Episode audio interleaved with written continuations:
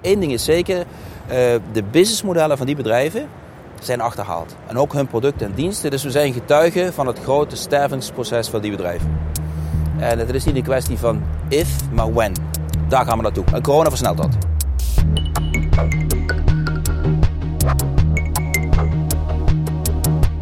Welkom in het Cyberkantoor. Dit is Bestemming 2032, een podcast van ABN AMRO... waarin ik je meeneem in de hoofden van experts en ondernemers... die denken vanuit de toekomst. Ik ben Aniek van Damme. Reis deze aflevering met me mee naar je kantoor in 2032.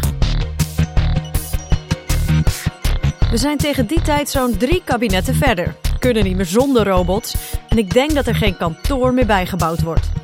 Onze zoektocht begint op een lege Zuidas. Het kantorenmekka van hoogopgeleid Nederland.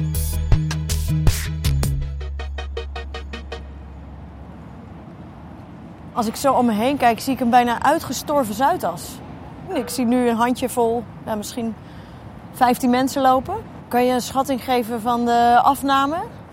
Ja, dat is moeilijk. We zitten hier natuurlijk in een uh, klein fragment hè, eh, in de tijd, maar ik denk toch gauw 70% minder. Je hoort Han Mesters, sectorbanker bij ABN AMRO. Hij ziet haar fijn waar het misgaat bij grote bedrijven en wat er anders moet. We zitten in een transitieperiode over uh, werken en hoe we nadenken over werken en hoe we werk inrichten. En ik denk dat corona een versnelling geeft uh, met dit nadenken. En uh, ik denk dat het niet per definitie slecht is in wat eruit komt. Omdat we eigenlijk al zagen dat de oude manier van werken, zeg maar de hiërarchische aansturing van mensen, vaak in grote bedrijven, ja, dat liep toch een beetje tegen een einde toe. Door allerlei redenen. De, de belangrijkste dat die hiërarchisch geleide organisaties niet snel konden reageren op veranderingen in de omgeving. En, en nog belangrijker vind ik, is dat die jonge generatie eigenlijk daar geen zin meer in heeft in dat spelletje. Oké, okay, dus die oude hiërarchische bedrijven zijn exit in 2032. Maar waar werk ik dan? Je zult zien dat er in de toekomst allerlei plekken zijn, hè, zoals Stripes en hoe ze ook allemaal heten, Regis. En als je dan bijvoorbeeld werkt aan een bepaald onderwerp, dan ga je kijken niet van, goh, wat een leuke plek hier op de Zuidas, daar ga ik werken. Nee, je gaat kijken waar in het land zijn ze met welk onderwerp bezig en waar kan ik aanschuiven om te leren op dat onderwerp. Met wie je dat werk doet en wat voor soort werk je doet, wordt belangrijker dan waar je dat doet. En wat voor werk is er in 2032 dan nog over? Vraag ik aan Willem-Peter de Ridder. Hij is futuroloog. Vanuit zijn organisatie adviesbureau Future Studies bestudeert hij de toekomst. Het belangrijkste is dat we gaan zien de totale robotisering van de routine. En die redenering is eigenlijk heel eenvoudig. Uh, alle werkzaamheden die routinematig zijn, daar hebben we heel veel data van. En aan de hand van die data kunnen we een algoritme trainen om die dingen te doen en die beslissingen te nemen die mensen anders zouden nemen. Nou, dat leidt tot een enorme transformatie op de arbeidsmarkt en van organisaties.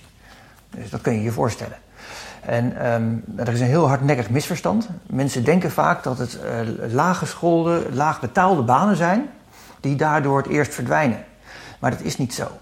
Want het feit dat wij mensen ergens heel lang voor naar school moeten en heel erg veel jaren werkervaring moeten opdoen voordat wij iets kunnen, voordat we ergens heel erg goed in zijn, dat is voor machine learning, voor kunstmatige intelligentie, helemaal geen criterium. In een ziekenhuis zit er meer routine in het werk van de medisch specialist dan in het werk van de verpleger.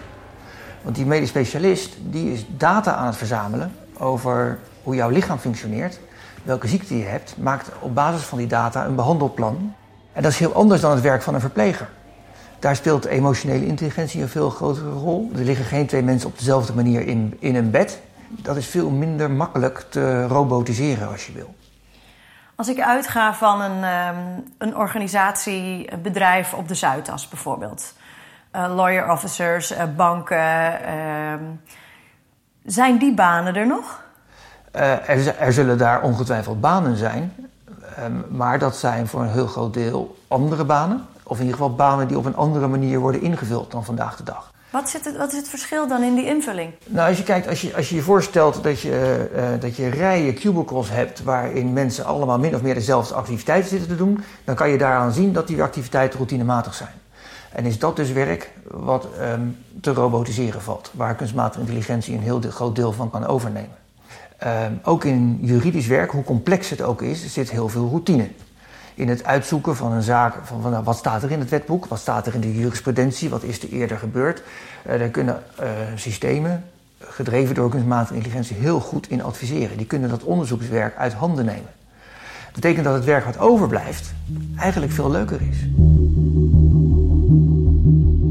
Al dat werk wat routinematig is, kan een algoritme overnemen. Maar werkzaamheden waarin creativiteit, verzorging of gevoel de overhand hebben, laten zich moeilijker vangen. Dus je ziet nog steeds mensen op kantoor zitten. En die zijn geconcentreerd rondom een bepaald onderwerp. Die zijn een nieuwe toepassing aan het bedenken of een nieuw systeem aan het creëren. Dat soort dingen allemaal. Er zullen ook nog heus mensen aan een telefoon zitten voor die 20% niet routinematige vragen die daar binnenkomt. En ik denk dat we ook veel meer gebruik zullen gaan maken van virtual reality.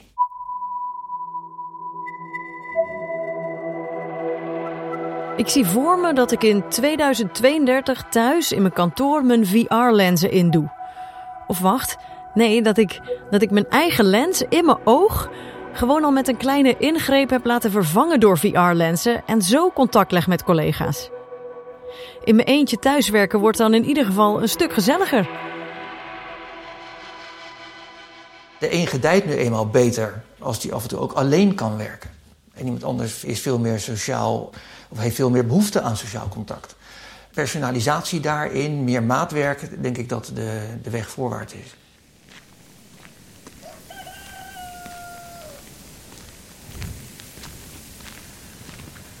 Op een uurtje rijden van Amsterdam af kom ik door heel wat polders aangereden. Dan moet dit de plek zijn waar Peter woont. Aha, de Silicon Valley entrepreneur gewoon op zijn klompen. Ja, welkom in Brandwijk. Iemand die al jaren zijn tijd ver vooruit is, is ondernemer Peter den Hartog. Hij is een van de oprichters van Hal 24K. Met zijn bedrijf maakt hij steden slimmer. En dat doet hij met behulp van kunstmatige intelligentie en machine learning. Peter startte zijn bedrijf kantoorloos in Silicon Valley, met medewerkers van zo'n 16 nationaliteiten verspreid over de hele wereld. Vanaf het begin af aan zijn we heel erg online en digitaal bezig geweest. Ik heb bijna tien jaar in Silicon Valley gewoond. Ik ben twee jaar geleden terugverhuisd om door te groeien en weer te eigenlijk terug naar de VS. Maar voor die tijd gaf ik leiding aan mijn team vanuit mijn huiskamer. Een leidinggevende zonder kantoor dus. Toch opende hij een paar jaar later een groot kantoor in Amsterdam. Met het Silicon Valley idee. Dus grote ruimte, allemaal bij elkaar, hele vlakke organisatie. Dus iedereen kan iedereen bereiken. Of je nou uh, een secretaresse zoekt of de CEO. Dat, alles wat ertussen zit is gewoon bereikbaar. Maar dat kantoor is weer gesloten. Het is een heel groot kantoor, kost flink wat uh, euro's per maand, wat eigenlijk gewoon nu verdampt. En het was best wel een zware beslissing, want je weet niet hoe lang zo'n pandemie duurt. Maar het was gewoon zonde van het geld. Dus we zeiden van, oké, na een paar maanden knoop doorgehakt, geen kantoor. En nu zeg van, we willen niet kantoorloos zoals we begonnen. Dat werkt wel goed, maar ik zie gewoon van mensen willen af en toe bij elkaar. En daar hebben we een heel klein kantoortje voor gehuurd, voor maximaal zes personen op afstand. Zodat een team, een engineering team, een data science team of een mix van mensen bij elkaar een ochtendje kunnen zitten. Dat ziet Willem Peter, onze futuroloog, ook steeds meer gebeuren. Veel thuiswerken, maar ook kleinere kantoren waarin je blijft samenkomen. Mensen blijven behoefte houden om elkaar te zien. Je kunt geen cultuur met elkaar bouwen als je elkaar nooit ziet. Dus dat merk je nu ook, nu we heel veel op afstand werken. Je kunt natuurlijk operationele dingen heel erg goed afstemmen in een online vergadering. Werkelijke innovatie, dat gaat heel slecht online. Daar blijven we elkaar voor opzoeken. Maar het overgrote deel werk ik gewoon thuis. En terwijl jij in 2032 misschien op de wachtlijst staat voor die VR-lenzen ingreep, projecteer je je collega's tot die tijd gewoon op de muur. Ieder vanaf zijn eigen thuiswerkplek. Hoe dan ook, een upgrade van je thuiskantoor is onvermijdelijk.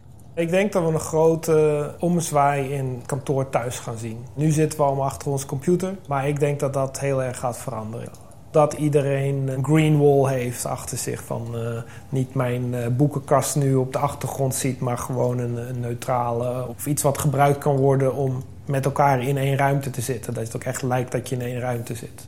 Dat is een manier die veel minder afstandelijk is dan wat we nu aan een scherm zitten te doen. Hè? Dus, uh, omdat je met virtual reality echt wel het gevoel kunt hebben dat je met elkaar in één ruimte bezig bent. En dan is dat ook een alternatieve manier om elkaar te ontmoeten. Maar ik denk ook dat zo'n soort kantoorgevaren op gaat leveren voor de gezondheid van de medewerkers. Ik denk dat we ook heel goed moeten nadenken dat een kantoor ook fysiek voor een uh, medewerker goed blijft. Dus dat hij in beweging blijft, dat hij gaat staan, dat hij kan bewegen, um, dat hij niet vastroest. Daar heeft Peter wel een punt. Je maakt veel minder kilometers als je thuis werkt. Nu sporten mensen vooral buiten, maar het is best denkbaar dat sporten straks opgaat in je thuiskantoor. Fietsend je voortgang bespreken of dat je de rondvraag virtueel golfen doet. Ook daarin loopt Peters bedrijf voorop. Ik denk dat we challenges gaan doen. Ja. Een engineer begon tijdens COVID met one-minute challenges. En die kwam op random tijd van nu gaan we één minuut dit doen en één minuut dat doen. Crunches tot burpees en weet ik veel wat. Misschien wel competitie, zoals je, je Strava's en je Garmin's. Dat je van uh, tegen elkaar gaat hardlopen terwijl je niet naast elkaar aan het hardlopen bent. Voor leidinggevenden is het natuurlijk ook een hele grote verandering. De tijd dat je ehm, als leidinggevende meer wist dan iedereen in jouw team, die ligt ook achter ons. De tijd dat werknemers naar een werkgever of naar hun baas gingen. Het woord alleen al. Mensen naar hun baas gingen om te vragen: wat moet ik nu doen? Ja, dat is verleden tijd. Je moet als leidinggevende gewoon accepteren en of blij zijn zelfs dat er mensen in jouw team zitten die meer van een onderwerp weten dan jij. Dat is de reden dat je ze aanneemt. Dus dat is jouw rol niet. Jouw rol als leidinggevende is echt niet om meer te weten dan de rest. Nee, jouw rol als leidinggevende is om mensen te helpen om zo goed mogelijk hun werk te doen. Daar moet je ze in faciliteren. En verder moet je ze de vrijheid geven om dat ook te doen. Verder heb je strategisch een opdracht. Dus je moet identificeren wat de volgende problemen zijn die je gaat oplossen als bedrijf. Waar vraagt de markt om? En dat doe je niet door mensen in jouw team dingen voor te schrijven, maar juist door ze heel veel vragen te stellen. Om die kennis naar boven te halen. En op die manier de, de, de problemen eh, te identificeren. Dat is jouw rol vertelt futuroloog Willem-Peter de Ridder in zijn thuiskantoor. Met zijn bedrijf adviseert hij organisaties hoe ze hun strategie toekomstbestendig kunnen maken. Er ontwikkelt zich dus een nieuw type leider, ziet de Ridder. Van baas naar coach of facilitator. Er is een paradox tussen controle en vertrouwen. We hebben het idee dat we dingen onder controle krijgen door er dicht bovenop te gaan zitten. Maar dat is helemaal niet waar. Mensen blijken veel beter te presteren als ze veel vertrouwen krijgen. Dus daar moet je op inspelen. Daar moet je, dus je moet, je moet vertrouwen geven. En op een andere manier dus ook afspraken maken over wat het is wat je van iemand verwacht. Ja, uh, toewijding. Blije medewerkers die willen ook hard werken. En als je ze dan dingen vraagt van... oh, er moet iets afgeleverd worden uh, en daarvoor heb ik je het weekend nodig... dan willen die mensen dat ook doen. Werktijd en vrije tijd zullen in 2032 nog meer door elkaar heen lopen. In het weekend kom je vaker opdraven en door de week kun je dat zelf compenseren. En daar, daar ontstaat dan ook wel gelijk een dynamiek. Dat iedereen van, oh ja, dat is, dat is mooi. Dus als ik een keer een dagje geen zin heb uh, om naar kantoor te komen... en ik heb geen afspraken, is dat ook geen probleem. Wat ik wel zie, is dat er een hele hoop mensen zijn die daar niet goed tegen kunnen. Dus we zien een enorme toename in burn-outs. Ook al op hele jonge leeftijd. Ik denk dat je gewoon moet accepteren dat um, sommige mensen daar heel erg goed tegen kunnen. Zelfs er zijn ook heel veel mensen, um, zoals ik zelf, die hebben er helemaal geen probleem mee. Die vinden het ook wel lekker.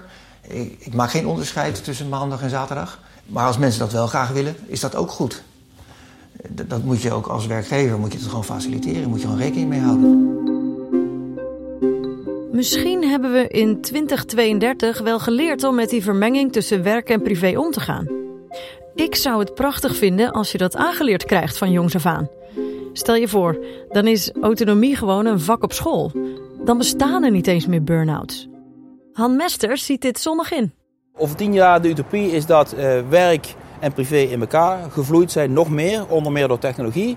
Maar dat mensen dat aankunnen omdat het werk wat ze doen een verlengstuk is van hun competenties, van hun talenten. Dus het werk voelt niet zo erg als ik moet 7 uur op en ik moet 9 uur naar mijn werk toe. Het vloeit gewoon in elkaar. Je doet dingen eigenlijk die je gewoon van nature al hartstikke leuk vond. Goed, je hebt in de toekomst dus werknemers die lekkerder in hun vel zitten, leuker werk doen en goed werk leveren. Maar dan wil je natuurlijk ook dat ze blijven. Ga met me mee terug naar de polder. Peter, die jarenlang zijn bedrijf aanstuurde vanuit Silicon Valley, ziet hoe bedrijven haar werknemers al op een nieuwe manier proberen vast te houden. Dat, dat gedeelte wat door medewerkers eigendom is van het bedrijf groter gaat worden. Dus dat de CEO niet meer 80% van de aandelen heeft, maar misschien maar 25%. En, en de rest uh, uh, verdeeld wordt over, over iedereen, investors en medewerkers. Zodat de CEO nog steeds wel de baas is, met de board natuurlijk. Maar dan uh, de rest van de koek eigenlijk veel evenrediger verdeeld is. Dus je ziet natuurlijk nu heel veel multimiljardairs in, in Silicon Valley. Dat is niet houdbaar. Dat gaan, daar gaan mensen niet mee akkoord in de toekomst. Men wil ook die American Dream in het bedrijfsleven. Als je ergens begint, wil je zeggen van... Ah, als ik ergens hard voor werk, wil ik ook hard voor beloond worden. En, en dat ga je niet krijgen met 1% van, uh, van weinig. dus hoe meer geld het bedrijf verdient, hoe meer ik erop vooruit ga. Vaak worden die aandelen elk jaar meer, maar mag je niet alles in één jaar opnemen. Hoe langer je bij een organisatie blijft, des te strakker komen die gouden handboeien te zitten. Ik hoor het mezelf al jaar op jaar zeggen: ah, nog eentje dan. Willem Peter ziet een andere manier om mensen mede-eigenaar van je bedrijf te maken. Een eerlijkere manier. Het aantal coöperaties neemt heel erg sterk toe. En dan eh, is er eigenlijk helemaal niemand meer aandeelhouder. En dat is de beste manier natuurlijk om te borgen dat iedereen ook profiteert van, de, van die organisatie. Een coöperatie is geen gewoon bedrijf. Het is een vereniging met leden met een bedrijf. Geen aandeelhouders, maar leden dus die gezamenlijk beslissen over investeren. Volgens de Ridder is het dé tegenreactie op de winstmaximalisatie die we kennen bij de grote succesvolle bedrijven uit Amerika. De digitalisering, waar we nu dus al een 10, 15 jaar in zitten, die heeft geleid tot een um, vergroting van de ongelijkheid. Er ontstaat in digitale businessmodellen een winners take all dynamiek. Omdat je digitale businessmodellen heel snel kunt opschalen. En dat zie je natuurlijk in het groot met de vijf grote Amerikaanse technologiebedrijven. Die zijn zo enorm machtig, daar kan niemand meer omheen. Maar dat geldt in heel veel andere sectoren ook. Nou, er is een soort van tegenbeweging aan de gang. Dat we dat niet meer willen. En in, die tegenbeweging zit de coöperatie. Als ik je daar een voorbeeld van geef. Kijk, we hebben in de reisbranche hebben we Booking.com. Enorm groot, heel machtig platform.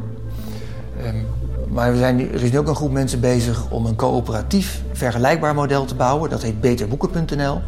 Daar zit veel meer gelijkheid in. Hetzelfde businessconcept in de zin van de waarde die dat levert voor consumenten en hoteleigenaren. Maar heel anders financieel gedreven. We begonnen onze zoektocht op de Zuidas. Hoe ziet ons kantoor er in 2032 uit? Waar het staat maakt niet meer uit, weten we nu. En als je het mij vraagt, woon ik tegen die tijd goedkoper en groener buiten de stad. Liever één keer in de maand verder weg met de auto voor die creatieve brainstorm, tegenover al die korte ritjes. En als ik dan toch een nieuw huis koop, dan in ieder geval met een goede kantoorruimte. Waar ik mijn vergaderfiets kwijt kan en waar ik mijn collega's levensgroot op de muur kan projecteren. Kortom, meer maatwerk volgens handmesters. Nou, ik denk dat, dat uh, daar je verschillende vormen in. Hè? Dat je toch een plek zoekt waar je je happy voelt. Hè? Dat kan zijn in een grote stad of juist buiten een grote stad. En dat je daar de soort van de best of both worlds hebt. Hè? Dat je een werkplek hebt ingeregeld op die plek. Of je kunt ook volledig tijd en plaats onafhankelijk werken. Dat jij dus gewoon een performance contract hebt met degene die jou betaalt. En of jij nou tussen 2 en 4 uur s'nachts uh, met een briljante ingeving komt, of je werk afkrijgt en je zit op de Bahama's, of je doet dat bij wijze van spreken in de, de pijp driehoog achter uh, tijdens werkuren, ja, dat wordt natuurlijk steeds minder belangrijk. Maakt dat ook wel een beetje eng, want dat betekent natuurlijk dat de concurrentie voor werknemers ook een wereldwijde pool wordt. Dus een slimme Indiër, die heeft dan dezelfde kaarten als een Nederlander bij wijze van spreken. Als jij een succesvolle onderneming wilt hebben tegen 2032, dan heb je eigenlijk niets aan vooruitkijken. Je moet vooral terugkijken, zegt Willem-Peter de Ridder. Mijn tip voor ondernemers is om vooral te werken van later naar nu. Dus vorm je een beeld van de toekomst. Maak een scenario voor hoe 2030 eruit ziet.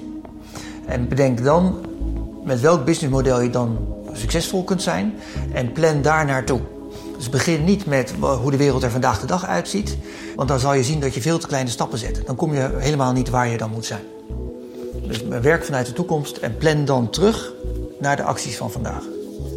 Maar val niet in een van de grootste valkuilen als het gaat om technologie en de toekomst. Ja, dan heb je de wet van Amara. Dat is een moeilijke vraag, waar ik zelf ook fouten mee maak. Hè. Over het algemeen kun je zeggen dat de impact van technologie op werk en samenleving... op de korte termijn wordt die altijd overschat. Hè. Toen ik een klein jongetje was, het moest tekeningen eh, maken over het jaar 2000. Toen zag de wereld eruit, had ik natuurlijk allemaal vliegende auto's en dat soort weet zoals iedereen. Hè. Maar op de lange termijn onderschat je het. Hè. Dus misschien dat die tien jaar periode wat ongelukkig is voor al die dingen die we besproken hebben. Maar het gaat wel gebeuren.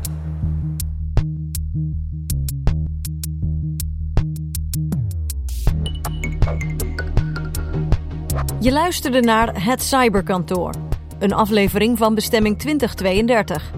Onze gasten waren Han Mesters, sectorbanker bij ABN AMRO... Willem-Peter de Ridder van organisatie Adviesbureau Future Studies... en auteur van Winnen met kunstmatige intelligentie en Digital by Default... En Peter den Hartog, co-founder en chief science officer van HAL24K. Ik ben Aniek van Damme. Leuk dat je luisterde. Onze volgende aflevering in de reeks gaat over de stad als service. Niks in de wereld is meer bezit. Geen spullen, geen gedoe. In sommige gevallen is het gewoon duurder om die schoenen te laten maken dan dat het is om nieuwe schoenen te kopen. En ik denk dat we aan die prijsknop, daar zullen we aan moeten gaan draaien om die transitie naar de circulaire economie te gaan maken. Dat upgrades mogelijk zijn, dat er bijvoorbeeld reparaties mogelijk zijn, dat er garantie is. Dat wordt allemaal dan verbreed.